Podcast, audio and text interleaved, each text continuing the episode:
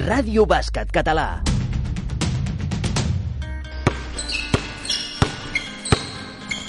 Els nostres clubs. Georgina Tomàs, presidenta del Club Bàsquet Farners.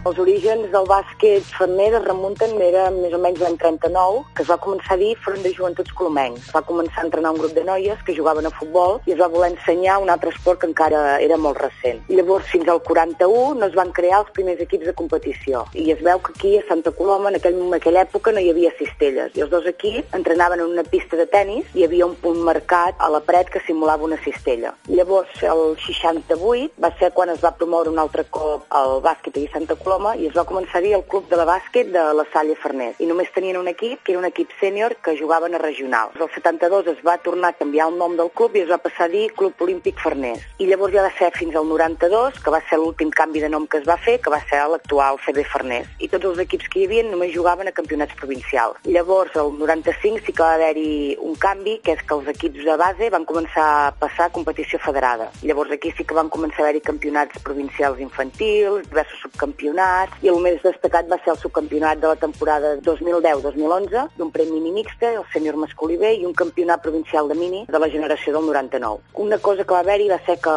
l'any 2004-2005 el sènior masculí feia 10 anys que estava a primera catalana jugant i es va baixar directament a tercera per intentar fomentar l'esport entre els jugadors del poble. Clar, va ser una etapa molt dura, però va ser molt bo pel club ja que van passar a tenir de 130 jugadors a passar-ne quasi a, a 250. I aquest esforç es va veure plasmat també en un reconeixement que ens va fer la Federació Catalana el 2010-2011, que ens va atorgar el premi al bàsquet-net. Ara mateix quants equips teniu? Són 17 equips federats, 12 de masculins i 5 de femenins, tenim dos escoletes i uns veterans i unes veteranes, o sigui que podem comptar uns 21 equips. I els objectius com a entitat que teniu ara mateix, quins són? A veure, un dels objectius que teníem ja l'hem complert, que és que el sènior masculí del Farners ha pujat de categoria, hem passat de tercera a segona. I tenim el femení que també està eh, allà, allà, però encara no, no s'ha decidit. A veure si també podem pujar a segona aquest any. Un dels signes d'identitats vostres és que voleu que molts jugadors siguin del poble i de la zona, no? Uh -huh. Podem dir que un 95% de jugadors són del club, bueno, són d'aquí, de Santa Coloma. Sí que a vegades, per completar equips, necessitem que vingui gent de fora. Per exemple, el cas més clar és el nostre sènior A, que és el que acaba de pujar de categoria, que